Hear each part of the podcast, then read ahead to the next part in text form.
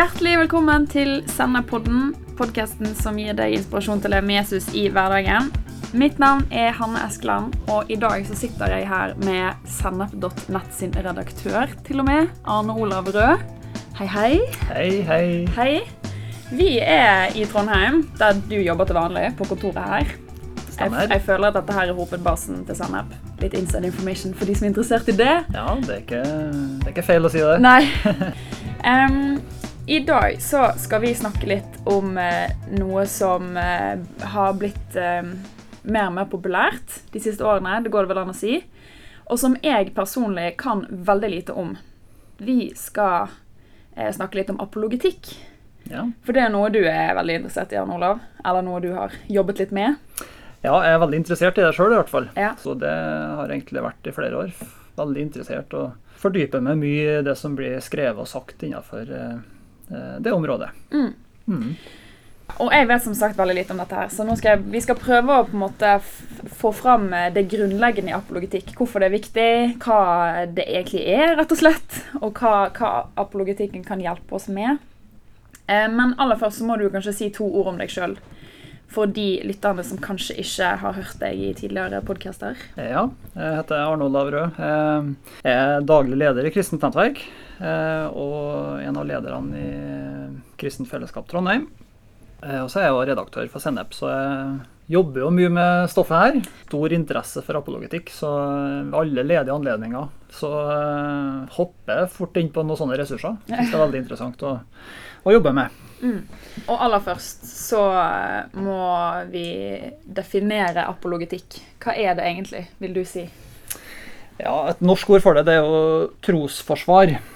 Eh, så det handler om å kunne begrunne og forsvare kristen tro. Så, så trosforsvar handler i bunn og grunn om å finne ut hva er det som er sant. Eh, og det er jo egentlig noe som vi alle, enten en er kristne eller ikke, bør ha interesse av å finne ut av. Ja, det er sant. Hvorfor tror du at eh, Eller vi ser på en måte at det er en økende trend å lese seg opp på apologetikk, og spesielt blant unge kristne. Hvorfor tror du at det er flere og flere som blir opptatt av det nå? Ja, jeg, jeg tror nok at det har mye å gjøre med de eh, endringene som har skjedd i, i samfunnet. Vi har uh, hatt en uh, framvekst av ateisme. Ateismen har blitt mer stuerein. Den, uh, den er på frammarsj i, i Vesten og i Norge. Nylige undersøkelser viser jo at over halvparten i aldersgruppa 15 til 24 år sier at de ikke tror på Gud. Eh, og det er i Norge, da. Mens eh, kun én av fire sier at de tror på Gud. Og det er jo da Ja. annerledes enn i de eldre generasjonene. Så tendensen er jo at færre sier at de tror på Gud, og, og velger ateisme og syns den gir best svar på livet. Og det er jo en uh, utfordring som eh, vi som kristne, og som tror på at vi skal ut med evangeliet, det er en utfordring som vi må ta. fordi at uh, vi i større grad må forvente å få motforestillinger mot det vi tror på. Ja. Og da må vi kunne begrunne det vi tror på, på en eh, ryddig og god måte. Ja. Ja, og så eh, Nå sier du at um, ateismen øker, og, og det er jo ikke vanskelig å, um, å kjenne at vi, samfunnet blir mer og mer sekularisert. Men fins det eksempler på folk som har gått motsatt vei? Altså ikke fra kristendom til ateisme, men, men fra ateisme til kristendom? Ja, det gjør det. Først må jeg bare si at det, det, er, jo, det er jo en vei som en del tar. eh, Og at de har vokst opp med, med kristen tro og velger å gå bort fra troa. Men så er det en del eksempler på, på motsatt òg, av folk som er i offentligheten. Eh, en som ofte eh, forteller sin historie, er jo høyrepolitikeren som heter Stefan Heggelund. Han er jo intervjua i flere eh, medier der han eh, der han forteller om sin vandring da fra nyateisme, som han, som han og mange andre i, i vår generasjon da har, har eh, fått, uh, fått om bord. Der han da bestemmer seg for at eh, eh, kristendommen gir bedre svar på verden. Ja. Så han er et eksempel i Norge på det. Eh, Du har òg eksempler i andre skandinaviske land. En, en journalist i Sverige som heter Elisabeth Sandlund, som er ganske profilert og vekket oppsikt der. Du har jo sånn som eh, grunnleggeren til Facebook, Mark Zuckerberg, som, eh, som gikk bort fra ateisme, men som ikke definerer seg innenfor en spesiell religion Ja. akkurat nå. Mm. Lee Strobel og C.S. Lewis er jo navn som eh, litt mer eldre kjenner til. da. Mm. Så, men den, kanskje den, den mest interessante helomvendinga som jeg syns sjøl, det er jo en som kanskje er litt ukjent for folk, da, men det er en som heter Anthony Flew. Eh, som var egentlig en av 1900-tallets eh, mest profilerte ateister. Eh, han var, jo en filosof med stor anerkjennelse internasjonalt. Mm. Og var på mange måter en av dem som var med og, og brøyta veien for at ateismen skulle, skulle få den der, litt den default-innstillinga som den kanskje har eh, i dag. Ja, ja. At ikke sant, du er ateist helt til du blir overbevist om noe annet. ja. Han var en av dem som eh, var med og bereda veien for det. Mm. Mot slutten av sitt liv så ble han så overbevist av alle de, de vitenskapelige funnene som gikk på at eh, universet er fullt av informasjon og bærer preg av et design, at Mm. han gikk da ut og sa at han hadde endra mening, hadde gått bort fra ateisme. Og, og sagt at eh, det gir mest mening å tro at det finnes en intelligens. Så han eh, gikk jo I offentligheten så gikk han aldri så langt som å si at han var blitt kristen, eller noe sånt. Ja. Så det er jo ikke et vitnesbyrd om det, men eh, eh, det er klart for, eh, for ateistene så var det et, eh, et stort slag. Han Mm. er jo ikke med i oppramsinga av de mest kjente ateistene lenger. Nei. Rett og slett fordi at eh, historien hans ikke passer inn lenger. Mm. da. Så han er en mann å google. da, Anthony Flew. Hvis Ja. du skal lese mer om det, så er hans historie ganske interessant. ja. ja. Ja, og det er jo litt motiverende å høre på en måte at um, Ja, sånn som han sa, da, at han, han ser på universet. altså Han ser på sånn som ting er rent eh, vitenskapelig, og skjønner at det må være noe mer. holdt jeg på å si. Det handler Ja. ikke bare om opplevelse og liksom Ja. møtte Gud og sånn, men, men det går an å faktisk ehm, ja, Sånn som man gjør apologetikken, da, på en måte argumentere for det. Ja, det, det er på en måte en, eh, en nyttig historie å ha med i bakhodet. For det er ikke slik at jo mer kunnskap du får, jo større sjanse er det for at du blir ateist. Nei. Eh, Men del, det tror jeg mange tenker. en del tenker nok det, og det, Ja. det er jo en del eksempler på det òg. At du føler at den kristendommen du har fått presentert, er så tynn Mm. at den tåler ikke møtet med vitenskap og, og filosofi. Mens eh, det er jo heldigvis da mange eksempler på det motsatte. At jo mer eh, kunnskap du får, jo mer du ser av kompleksiteten og designet og informasjonsmengden i universet, så, så ender det opp med at den kristne måten å forstå verden på, den gir mer helhetlig svar. Da. Rett og slett. Så, Hvem skulle trodd det? ja, ikke sant? Men um, apologetikken, da. Hva slags tema vil du si er viktigst innenfor apologetikken? Ja, det er jo forskjellige grener av apologetikk. Eh, Du har jo en gren som handler om det å forsvare kristendom i møte med islam, f.eks., som en del fordyper seg i. Som en egen retning, da? Ja, det er egentlig en egen retning, hvor, du, hvor du tar utgangspunkt i islamsk kultur og Koran og læren der, og finner Mm. gode argumenter i møte med, med islam. Så det er en retning. Eh, En retning som kanskje er litt mer vanlig eh, å interessere seg for her, da, det er jo det er å kunne begrunne Guds eksistens. Ja. Eh, uten å, å på en måte gå innom Bibelen, da, kan du si. Mm. Eh, Men eh, bruk mer filosofiske argumenter for å forklare ting som vitenskapen jobber med. Mm. Så det Og det, jo, det kan jo være nyttig kunnskap å ha, siden det er jo en del i, i vår kultur som ikke anser Bibelen som en troverdig bok. Og Ja. Da er det ofte kun greit å kunne starte en samtale der med å si at uh, det finnes veldig gode argumenter for å, for å tro på Gud, uh, før du egentlig har slått opp i Bibelen. Da. Mm. Og da, De vanligste tingene å komme innom da, det er jo på en måte å kunne forklare, gi en forklaring på hvordan, hvordan i hele tatt finnes det et univers.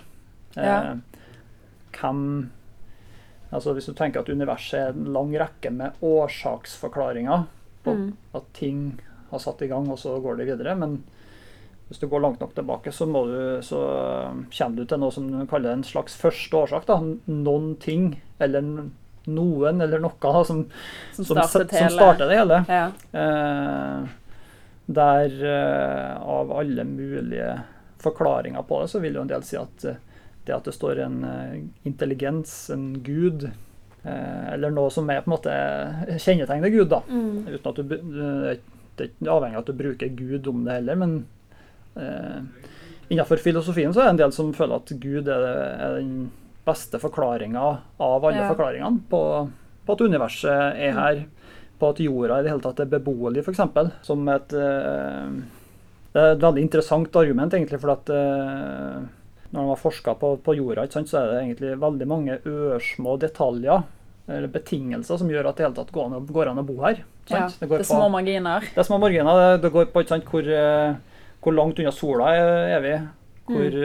eh, fort er jordas akselerasjonshastighet. Ja. ja, for hadde det f.eks. vært litt kjappere eller litt tregere, så har, kunne vi ikke levd på jorden?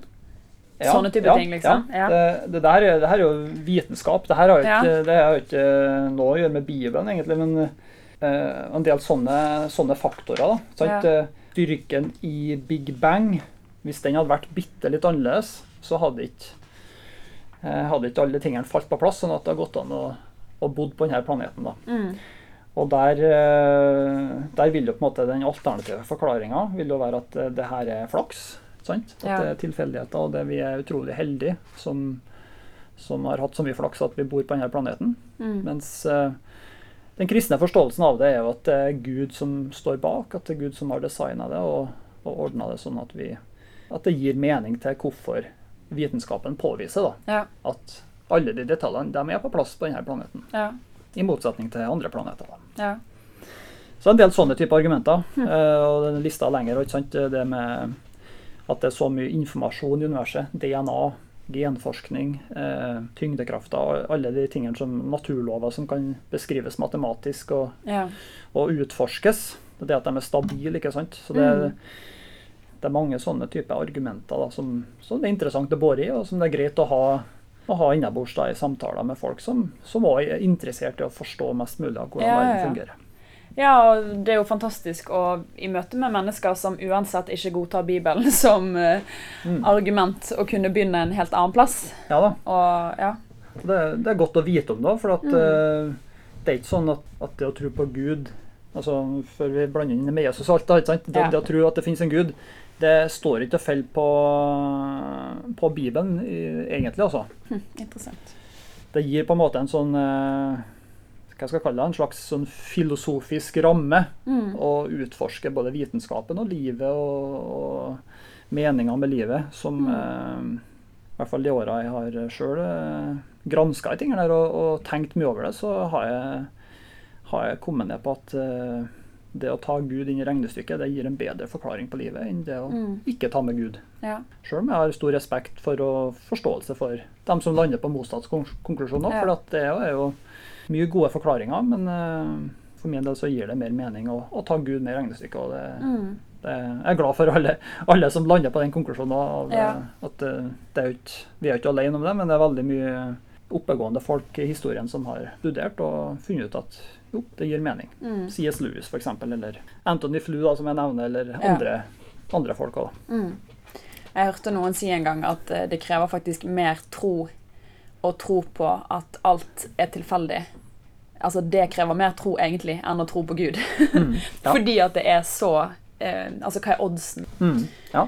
Det, det er det som er alternativet. Altså tro på flaks. Mm. Eh, at, det er veldig mye tilfeldigheter. og Det er en del som lager sammenligninger. det gjelder fine-tuning, eller at det at jorda er beboelig. Fine-tuning er argumentet. Så, så er det en del som sammenligner med at da, det er mer sannsynlig at du vinner Lotto utrolig mange uker på rad, Ja. enn det at eh, jorda skulle være beboelig. At alle de faktorene skulle passe, Ja, liksom. ja for det, altså det er litt forskjellige opplistinger, men uh, det er veldig mange faktorer innenfor uh, fysikk og, Mm. som nevnes da i forhold til det argumentet. Ja. Men en ting er jo eh, intelligensen bak alt dette, og Gud og sånn som vi snakker om. Men hva da med Jesus? Hvor passer han inn i alt dette Ja. For det, det er på en måte en litt annen bit av apologetikken før vi i hele tatt åpner Bibelen. Og så eh, når vi åpner Bibelen, så er det en del som får en del spørsmål.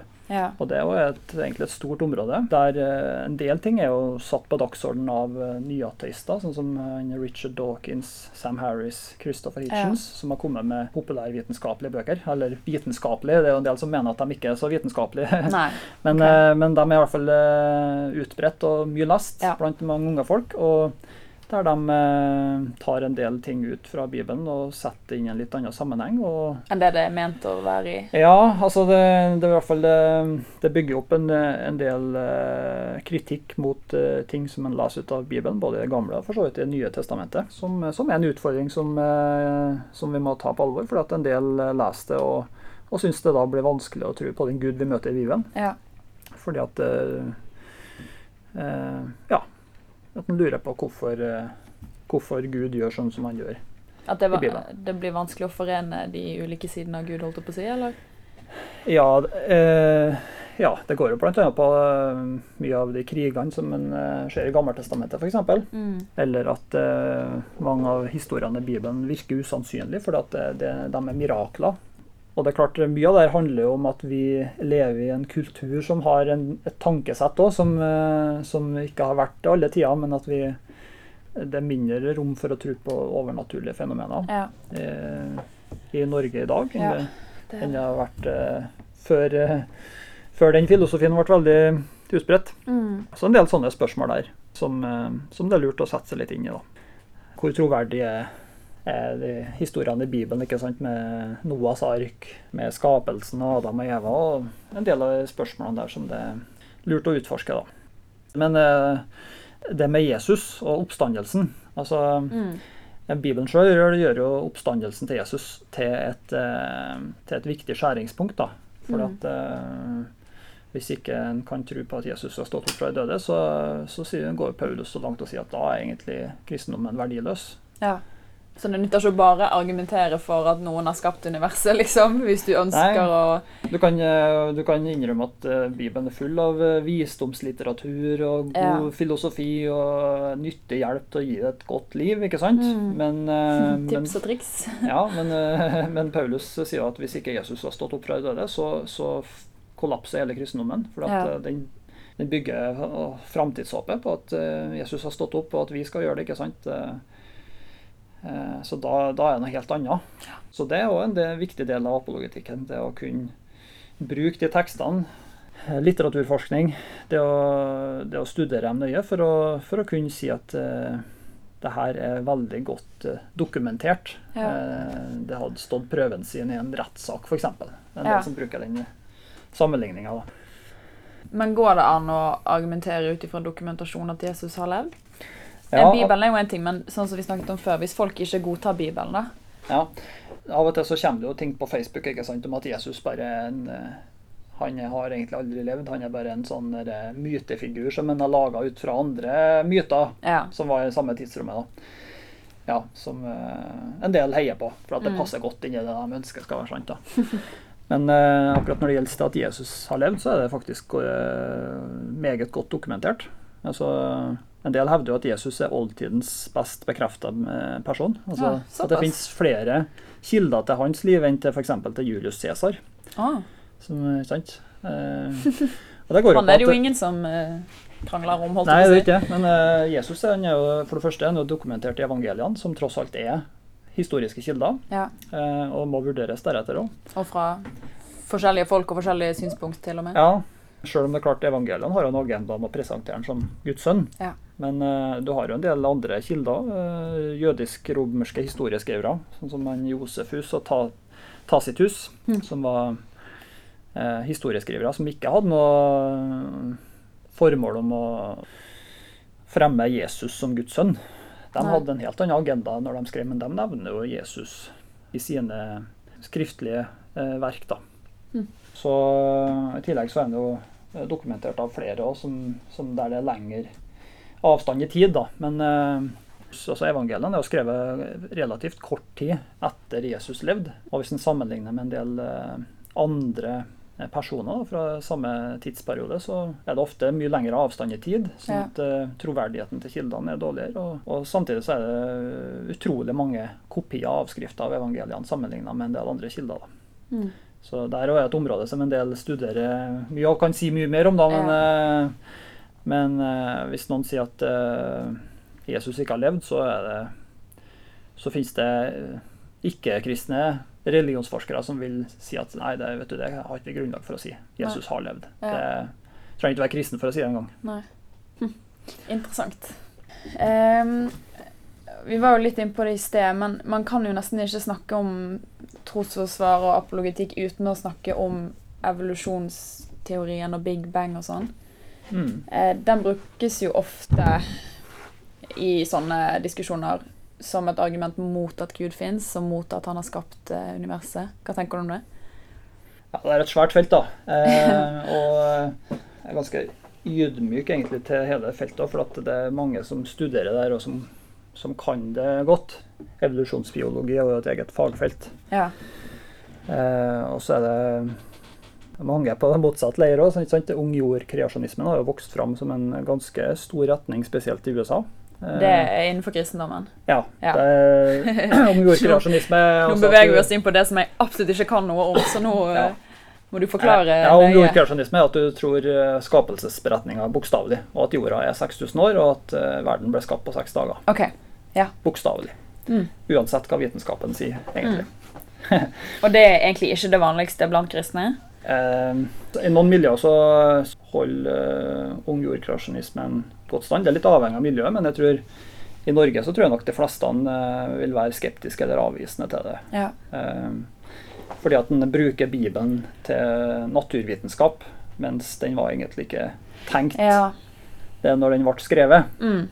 Og da blir det feil å bruke den som Sånn at du leser egentlig inn ting med moderne briller. da. Eh, men det der er, det er mye meninger om det, for å si det. men eh, mens sånn som katol katolikkene de eh, har jo tatt om bord både evolusjonslære og Big Bang og sier at eh, Gud står bak det. Mm. Eh, evolusjon og Big Bang eh, er verken et argument for eller mot Gud. Mm. Fordi at eh, eh, Gud eh, kan absolutt eh, forenes både med, med troa på Big Bang og evolusjon. Ja. Når det gjelder det med Big Bang, så er det jo litt interessant, for at den eh, Big Bang er jo da eh, Det var jo egentlig noe som ble oppdaga av, eh, av forskere for snaut 100 år siden. Mm.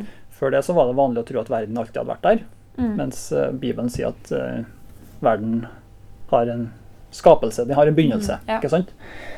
Så var det egentlig en eh, katolsk fysiker og prest da, som oppdaga at universet utvida seg, Mm. og at en dermed da kan anta at uh, det var et startpunkt. En stor eksplosjon som gjorde at uh, universet ble til. Mm. Så eh, han lanserte jo den teorien, og i starten så ble jo det her avvist av noen forskere fordi at teorien virka for kristen. Ja, såpass. Så, men etter hvert så, så ble jo det her egentlig eh, den vanlige måten å forstå universets opprinnelse på. At Ja. eh, Big Bang skjedde da for eh, 13-14 milliarder år siden. Mm. Ja, Katolikkene sier at eh, det er fullt forenlig. Samtidig så, så vet en jo ikke noe om hva som var før Big Bang heller. Så du kan på en måte ikke si at Gud skapte verden med Big Bang, for at da hopper du over hva som egentlig var før Big Bang. Nå er vi inne på dybdeplan her. Ja, du ja. Men uh, Her skjønner jeg at man kan Ja. dykke dypt. ja, så det jeg vil, jeg vil ikke si at verken Big Bang eller revolusjon er eh, motstridende, men eh, det, ofte handler det om de filosofiene som en eh, knytter til det. Sånn at den avstanden kanskje mange tenker at eh, fins mellom kristendom og Gud og et kristent verdensbilde og evolusjonsteorien og Big Bang, kan man på en måte si at i stor grad har blitt skapt av at man har blandet vitenskapsfilosofien med den rene biologien. Ja, Det er i hvert fall en måte å se det på. Ja. Og så er ikke alle enige om det heller. ikke sant? Nei. For at eh, Noen vil si at evolusjonslæra går imot Bibelen. Og det går jo delvis på at en blander vitenskapsfilosofi med, med biologifaget, Ja. da, eh, vil noen si. Ja. Sant? Men det der er, det er komplisert stoff, og det er folk som setter seg nøye inn i tingene der. og Jeg har ikke satt meg så nøye inn i det sjøl, men eh, så langt jeg kan se, så, så er det ikke sånn at eh, evolusjonslæra utelukker at det finnes en gud. Men det, det er jo noe som en trenger å gå ordentlig inn i. da. Og Sette seg godt inn i. Mm. Men i hvert fall å snakke litt om det sånn som dette her kan jo likevel hjelpe folk til å forstå litt mer, eller skjønne litt mer kanskje Ja. hvor landet egentlig ligger. Men vi har jo vært litt inne på det allerede, men, men som kristen uh, i dag så kan man jo fort møte på en holdning av at det å tro på Gud og det å være kristen, det er på en måte det er litt sånn gammeldags, og det er mindre intelligent. Og sånn som du sa tidligere, på en måte at eh, mange kanskje tenker at hvis du har nok kunnskap, så kvitter du deg med religion. Hvordan kan vi som tror på Gud, eh, møte den holdningen? Det er flere ting å si til det ene, og selvfølgelig å sette seg godt inn i ting sjøl, og ikke bare lene seg på lettvinte forklaringer. Men eh, en annen ting er det å lære seg å stille gode spørsmål.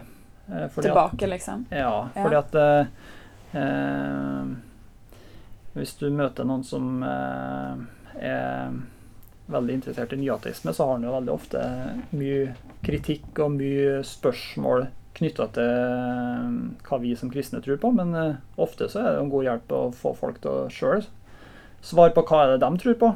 Ja. Og hvorfor tror de på det de tror på, mm. og hvilket grunnlag har de for det. Mm. For jeg tror ofte uh, vil vi som kristne være litt, uh, litt snille med mennesker. vi stiller ikke så mye spørsmål tilbake.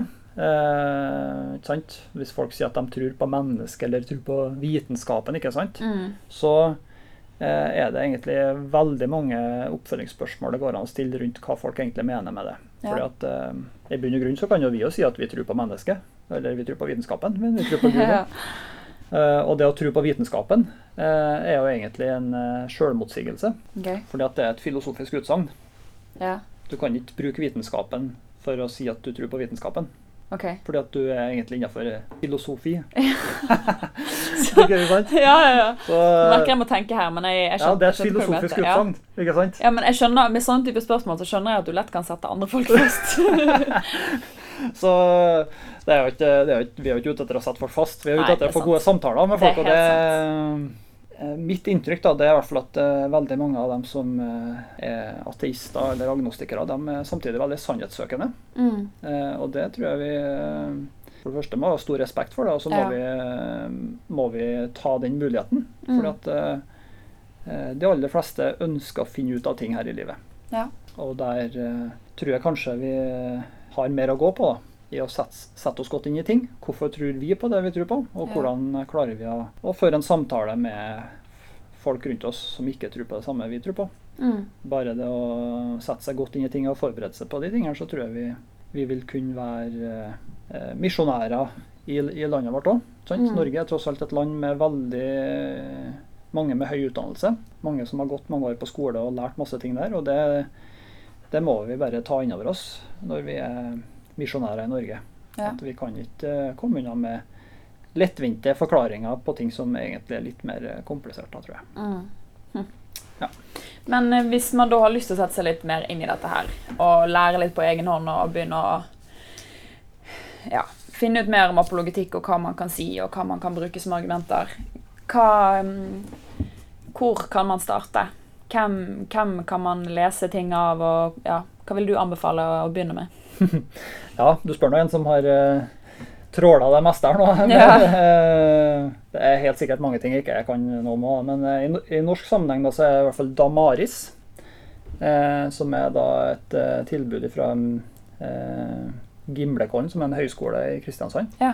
Er det en nettside, eller er det Ja, de har en nettside blant annet, ja. og lager mye ressurser og, og gir ut bøker og, og holder kurs og foredrag. Veldig eh, oppegående folk. Lars og Margunn Dale heter de som står bak det, og har med mm. seg flere medarbeidere der. Mm. Så har vi en som heter Stefan Gustavsson, som er svensk eh, teolog. Han ja. Eh, har skrevet en del bøker som er oversatt til norsk. Veldig gode bøker. Vi har flere folk som er ganske aktive i Norge. Daniel Joakim Kleiven. Eh, Bjørn Are Davidsen er navn der. Eh, ja, så det er flere å, å utforske der. Av, av, mer eh, amerikanske eller engelske da, så har vi jo en som heter William Lane Craig, som driver et nettsted som heter Reasonable Faith. Veldig mm. mye gode ressurser. Mm. Eh, ellers er det mange andre navn. CS Lewis har gitt ut bøker. Mm. Eh, Lee Strawbell har jo skrevet 'Case for Christ'. Ja. Som, eh, han var jo journalist, og kona hans ble kristen, og skulle, eh, da skulle han sette seg ordentlig inn i evangeliet. Ja, virkelig, Tidenes sak, eh, liksom. Ja, nå skulle han virkelig avsløre bedraget og mm. overbevise kona si om at uh, det hun hadde begitt seg inn på, var bare tull. Hm. Og ender opp med da å bli overbevist sjøl, og uh, er i dag en av uh, de mest framtredende apologetene i USA. Så det ja, mange navn jeg ikke nevner, men det er utrolig mye stoff å ta av her. Da. Ja, jeg hører jo det. Ja. det er bare til å komme i gang. ja, det Men helt til slutt, da. Um, Skal vi bytte ut vitnesbyrd og fortelle våre personlige historier og det å på en måte evangelisere med apologetikk? Nei, det, det skal jeg ikke prøve å overtale noen som helst til. Apologetikk det er på en måte ett av mange verktøy eh, å ha i verktøykassa. Eh, for en del som ikke er på den banealderen, så er det sannsynligvis ikke noe poeng i å starte alle de samtalene heller. Jeg, jeg, tror, det, jeg tror det viktigste å ha med seg i møte med folk som har eh, som tar høyere utdannelse, eller som har interesse for det med vitenskap og ja. filosofi og, og, de store spørsmålene. Mm. Men det er klart det jo, Gud jobber jo på mange andre frekvenser. Mm. Eh, Han bruker oss. Det med personlig vitnesbyrd, det med å be for mennesker, det å oppleve tegn og helbredelser og andre ting som hjelper folk til til å tro på Gud og tro på at Jesus har stått opp fra de døde. Ja. Da er det utrolig mange innganger Gud uh, bruker for å overbevise folk om det. Bibelen er jo veldig klar på at ingen uh, kan komme til Gud uten å bli født på ny. Mm. Så, så, det er jo ikke sånn at vi skal slurve med å argumentere og opplyse folk og gi folk kunnskap om ting, men, eh, men det, det, betyr ikke at eh, vi kommer unna det at Gud må, Gud må gjøre noe ved sin ånd for å overbevise mennesker i sitt hjerte. Mm. Og det, det, er jo Guds del av, av denne jobben. Ja. Så, men vi kan gjøre vår del av jobben på en god måte. Mm. Og da, da er apologetikk et av mange verktøy. Ja. Så kan jeg også si at uh, altså apologetikk er ikke noe for noe spesielt interesserte. Altså, både Jesus og Paulus var apologeter. Mm. Uh, de, uh, du ser det veldig tydelig i måten Jesus svarer f.eks. fariseerne på. Ja. At han tar utgangspunkt i det de Han er jo lur, lur der. ja, han tar utgangspunkt i det de det de kan, det de tror på, og er på mange måter ute etter å avsløre inkonsekvensen i det de tror på. Og Sammen med Paulus òg. Leser Apostlenes gjerninger kapittel 17, så ser du spennvidden i det Paulus gjør. For at når han eh, besøker synagogen i Tessaloniki, ja. så legger han ut fra skriftene, altså fra Gammeltestamentet, at Jesus er Messias. Mm. Men litt senere i kapitlet så eh, besøker han Aten. Når han holder den talen, eh, så så er det jo ikke den eneste henvisning til Gammeltestamentet. Nei, da er det jo... Han bruker kjente elementer mm. i, i, gresk uh, kultur ja. for å peke på at det finnes en gud. Og mm. for at denne guden han har sendt noen som har blitt reist opp fra de døde. Ja. Så ingen henvisninger til Gammeltestamentet. Og det er jo et illustrerende eksempel på at uh, du må alltid ta utgangspunkt i bakgrunnskunnskapen eh, dem du snakker til, har. Ja. Så det betyr at når du, når du, er på et bedehus i Norge, så kan du anta at folk flest der tror på Bibelen. Mm. Og da kan du Du trenger ikke å argumentere med folk om uh, det her står i Bibelen, så det er sant. Ja, du forutsetter ja. det. Mens uh, er du på et universitet, så må du anta at folk har mye mer skepsis til Bibelen. Ja. Og du må antageligvis ta utgangspunkt i noe annet. Ja. Ha andre innfall, innfallsvinkler. Ja. Har du blitt noe klokere? Ja, det var det jeg skulle til å si. At uh, jeg føler at jeg har lært litt nå. Ja. Og, og, egentlig bare mm, Jeg syns det er um, nyttig bare det å vite at vitenskap og alle typer tingene her faktisk ta, kan tale for det vi tror på. For jeg tror, og jeg tror ikke jeg er alene om det, men jeg tror mange av oss har et sånt bilde av at av at for det første ateister og folk som eh, er gode på vitenskap og argumenter og sånn, for det første at de bare er ute etter å sverte kristne. Og det er jo ikke sant sånn som du sier, mange av de vil jo bare oppriktig vite hva som er sant. Og så for det andre òg at vitenskapen er i motsetning til troen på en måte, og Bibelen. Og bare det å i det hele tatt forstå at sånn er det absolutt ikke, tror jeg er kjempeviktig. Så eh, dette her var liksom grunnleggende av politikk. Veldig bra. Og så går det jo som sagt an da og gjøre litt mer undersøking på egen hånd. Nå har, dere, nå har vi ramset opp en del gode ressurser her. Så eh, ta det med deg, du som hører på, på jobb, på, på, studieplassen din. Jeg tror det er mange av oss som er studenter, som blir utfordret der. Og takk, Jan Olav, for at du deler. Veldig spennende. Gøy at du kan så mye. Og hvis du vil ha mer stoff som dette her, så kan du alltid sjekke ut sennep.nett og de andre episodene av Sennep-podden. Eh, mitt navn er Hanne Eskeland. Vi høres.